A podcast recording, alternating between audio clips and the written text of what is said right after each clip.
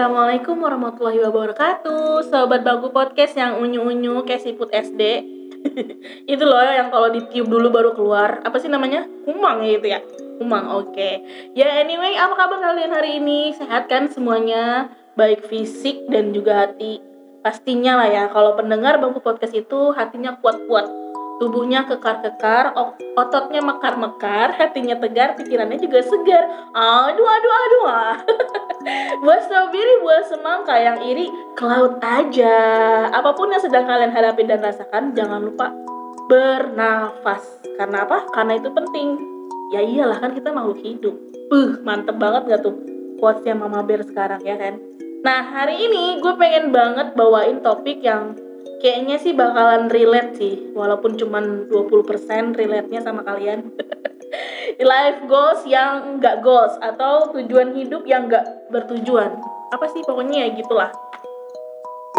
Lebih ke berbelok-belok gitu ya bun. Atau malah berbalik arah nih. Tapi nggak apa-apa guys. Kalian tidak sendirian kok. Mama di sini juga gitu keles dan tentunya gue nggak ngomong sendirian guys. Seneng banget karena cubat-cubat aku ini yang pastinya ada. Mami Er halo, halo mam. Mam halo. kece.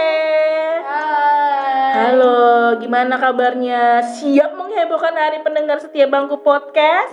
Siap dong. nggak kurang semangat. Siap. Siap ya live goals ya sebuah topik yang agak complicated nih alias rumit bin sulit. Nah, kalau bagi kalian apa sih life goals itu? Hmm, kalau aku ya, ya. sebenarnya nggak paham juga sih sama ini hidup karena nggak ada tujuan. Kasian banget. Terus? Pada dasarnya tujuan hidup aku tuh dulu lulus, mm-hmm. sekolah, kerja, nikah muda. Udah. Tapi tekanan dari saudara yang mengharapkan aku buat kuliah. Sampai akhirnya kuliah aku nggak selesai. Nikah muda sambil kuliah kerja dengan gaji secukupnya. Sampai pada akhirnya berantakan nggak menentu. Sampai pada di titik ya udahlah nggak usah lanjut kuliah. Pindah tempat kerja dan alhamdulillah mulai bisa menata hidup dan punya tujuan yang simpel-simpel tapi terwujud gitu kayak uh, di tahun 2019 alhamdulillah hubungan dengan suami kembali baik-baik aja di tahun 2020 alhamdulillah punya rumah alhamdulillah untuk pencapaian yang udah tercapai wah itu udah pencapaian yang luar biasa ya mams ketika oh. uh, memang sih um, waktunya itu terlambat datang gitu ya tapi True. ya yeah, everything is fine now ya yeah. nah kalau mam Keke sendiri gimana nih uh, life goals ya. Kalau ngebahas tujuan hidup itu keinget quotes ini. A goal without any plan sebuah goal tanpa adanya rencana hanya sebuah harapan. Dulu dulu banget. Jadi ke flashback dikit nih ya. Gue punya tujuan. Apa tuh? Waktu gue SD ada tuh pelajaran bahasa Indonesia. Mungkin juga kalian uh, pernah ngalami gitu kali ya Iya kali kalau kita di sama di planet yang sama ya, ya mungkin pasti ya, ngalamin. Terus? Dan tugasnya bikin catatan tentang rutinitas belajar. Okay. dengan tujuan pembentukan karakter gitulah. Mm -hmm. itu uh, kelas 2 atau 1 SD gitu gue lupa. Dan itu berdampak jelas di hidup gue gue sadar banget hidup gue sejak saat itu apa-apa gue catat. Full 24 jam dari buka mata sampai nutup mata lagi. Maksudnya sampai tidur lagi gitu. Karena ya gue harus mencapai target sukses buat jadi siswi dan juga anak yang disiplin. Target gue saat itu ngebanggain orang tua gue. Dan alhamdulillah karena planning time itu gue berhasil katam Al-Quran berkali-kali sampai gue jadi siswi yang prestasinya baik lah gitu. Hmm. dan target utama gue buat ngebahagiain orang tua gue tercapai. Tapi sayang itu nggak berlangsung lama bokap gue meninggal tujuan gue mulai berantakan itulah pertama kalinya gue nggak kenal siapa gue lagi Hmm, bangkit dari situ setelah melalui perhelatan dunia, akhirnya gue harus nyiapin map planning lagi dan masih diperjuangkan hingga sekarang. Ya, learn from the mistakes in the past. You need to step outside, get some fresh air, and remind yourself of who you are and who you want to be. Jadi ya setidaknya lu sekarang lebih memilih untuk ya udah ngalir aja ya gitu ya. ya itulah jadi ya ngalir aja dulu tapi tetap setiap kita pasti pengen memberikan yang terbaik selama kita hidup kan ya seiring berjalannya waktu gue harus menata hidup pelan-pelan biar bisa lebih terarah lagi. Setidaknya gue memiliki map planning waktu walau kecil ya yang memang pengen gue capai gitu. Ditambah lagi ada penyemangat hidup terutama ya keluarga kecil gue orang tua. Ya sekarang alhamdulillah kita masih bertahan sampai sekarang. Gitu sih. Amin.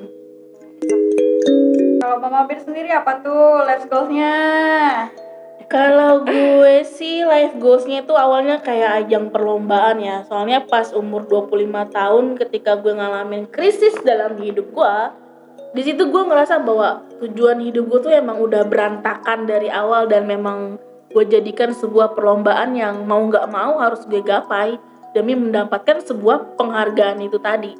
Life goals gue tuh berantakan sejak lulus SMK, sejak lulus sekolah menengah itu melihat kenyataan yang terjadi di lapangan, melihat ekspektasi yang nggak kunjung terwujudkan, hingga akhirnya saat itu gue memberanikan bilang sama diri gue sendiri untuk stop berekspektasi, stop lu ngehayal, udah lu hadapin kenyataan, nih realita yang sesungguhnya yang lu harus hadapin gitu. emang apa sih ekspektasinya mama Bir banyak lah ekspektasi gue di umur itu gue lulus kuliah di jurusan keguruan bahasa Inggris. Gue bisa ngajar di sekolah dan bertemu dengan murid-murid yang udah jadi murid hayalan gue juga. Punya se- sebuah bimbel dan rumah belajar untuk anak-anak yang tidak mampu gila. Emang mantap banget kan menjadi rumah juga bagi mereka yang terlantar. Banyak lah. Terus dua tahun kemudian gue nikah, lamar dan mendaftar dari eh, CPNS, jadi guru, ya udah mengabdikan diri. Tapi ya kalian bisa lihat sendiri kan, akhirnya gue berakhir di depan mikrofon ini ngomong-ngomong hal yang basi dan gak penting dan ngobrol bareng kalian lagi gitu. Itu yang terjadi di live goalsnya gue gitu nyesel enggak karena akhirnya gue menjadi diri gue yang sekarang hmm, ya enggak lah nyesel tuh pasti pernah ya pernah gue ngerasain karena itu manusia banget. Tapi setidaknya ada banyak sisi positif yang bisa gue ambil dari atas apa yang udah gue laluin. Gue ditempa habis-habisan sama keadaan sampai pernah juga ngerasa mau nyerah aja gitu dan ngerasa ya gue nggak ada harganya gue nggak berfaedah sebagai manusia. Dan setelah pergulatan panjang akhirnya gue sampai juga di titik kayaknya ya udah nih gak bisa nih gue terus-terusan berekspektasi lebih di sama diri gue yang udah gue sadarin itu nggak akan work out gitu kan nggak akan berhasil. Sebenarnya yang nggak segampang saat gue ngomong ini juga ya guys susah loh. Susah banget kita memerangi pikiran dan pergulatan diri kita sendiri. Walau sebenarnya dalam dunia nyata kita selalu menjadi pemenang dalam setiap perkelahian atau adu mulut bersama individu lain kan. Iya loh, gue kalau berdebat tuh jago banget. Gue pasti kalian juga tahu kan sampai urat gue keluar juga gue jabanin dah. Apalagi pas zaman sekolah dulu gitu ya, pas ada bikin tugas makalah berkelompok. Dan gue adalah salah satu murid yang paling tidak disukai oleh kelompok-kelompok yang lain. Karena ya selalu memulai perdebatan dengan ilmiah. Anjay ilmiah nggak tuh? Nggak nggak guys. Gue nggak sepinter itu kok. Gue tuh cuma teliti aja teliti dalam mencari kesalahan orang lain sehingga membuat orang lain tidak dapat menerimanya hingga akhirnya terjadilah pertempuran yang sangat menyerukan sekali. Ya gitu nyesel pernah tapi tidak larut. Nah untuk versi kalian sendiri kira-kira mami R gimana? Nyesel nggak? Aku ya Alhamdulillah sih menyesal pasti ada lah. Tapi segala sesuatu yang udah kita jalanin udah kita pilih nggak boleh disesalin pasti akan ada hal yang baik ya yang terselit setelah tamat sekolah masuk dunia kerja baru tersadar. Oh gini ya hidup. Oh gini ya nyari uang. Oh gini ya rasanya orang tua tuh kerja buat biayain kita. Iya. Nggak semua yang terjadi bisa berjalan mulus seperti ekspektasi mam. Ya ekspektasinya setelah nikah tinggal berdua sama suami nikmatin hidup, bangun rumah tangga, kayak pondok-pondok, ya. Iya cerita fairy tale biasa lah ya. Iya. Tapi Nyatanya- pada kenyataannya Nyatanya berbanding terbalik Iya. atau bahkan berperang batin atas apa yang udah dilaluin saat ini. Masya Allah. Iya. Iya, ketika hati menginginkan sesuatu yang lain, tapi pada realitanya tuh harus bertahan dengan yang lain. Cuma Hmm. ya mencoba ambil sisi positifnya aja sih. Pasti ada hikmah yang baik dengan hidup yang dijalanin sekarang. Amin, ya ampun, Mami ya. Terus Mami kece gimana nih? Harus lebih bagus nih dari Mami. Enggak dong, bukan ini bukan lomba guys. Aduh, kalau ngebahas kayak gini nih ya, aduh nyesel itu hal yang paling naif ya dalam hidup gua. Ya pasti ya, pasti. Cuma lebih ke syukurnya aja sih. Karena nggak melulu hal yang terjadi ini kan buruk. Iya benar benar benar benar Benar. banget. Hmm. Tapi ada kesan dan pelajaran hidup yang bisa bikin eh, gue atau kita lah jadi pribadi yang lebih matang lagi gitu. Walau sering kali temuin kegagalan, alhamdulillahnya Allah selama ini masih memberikan eh, gue atau kita lah hidup dan masih dikelilingi orang-orang terkasih. Iya, gitu. alhamdulillah. ya. Itu suatu hal yang baik dan patut disyukuri. Tinggal gimana kitanya yang ngejaga dan menerima mereka agar tetap nyaman bersama kita. Pastinya dengan tulus dan ikhlas dulu. Urusan bakal dikecewain atau apalah itu ya bakal gue jadiin itu alarm buat mengevaluasi diri gue sendiri. Hmm. So, apakah yang terjadi dalam hidup ini sudah sesuai dengan apa yang kalian inginkan? Mami R?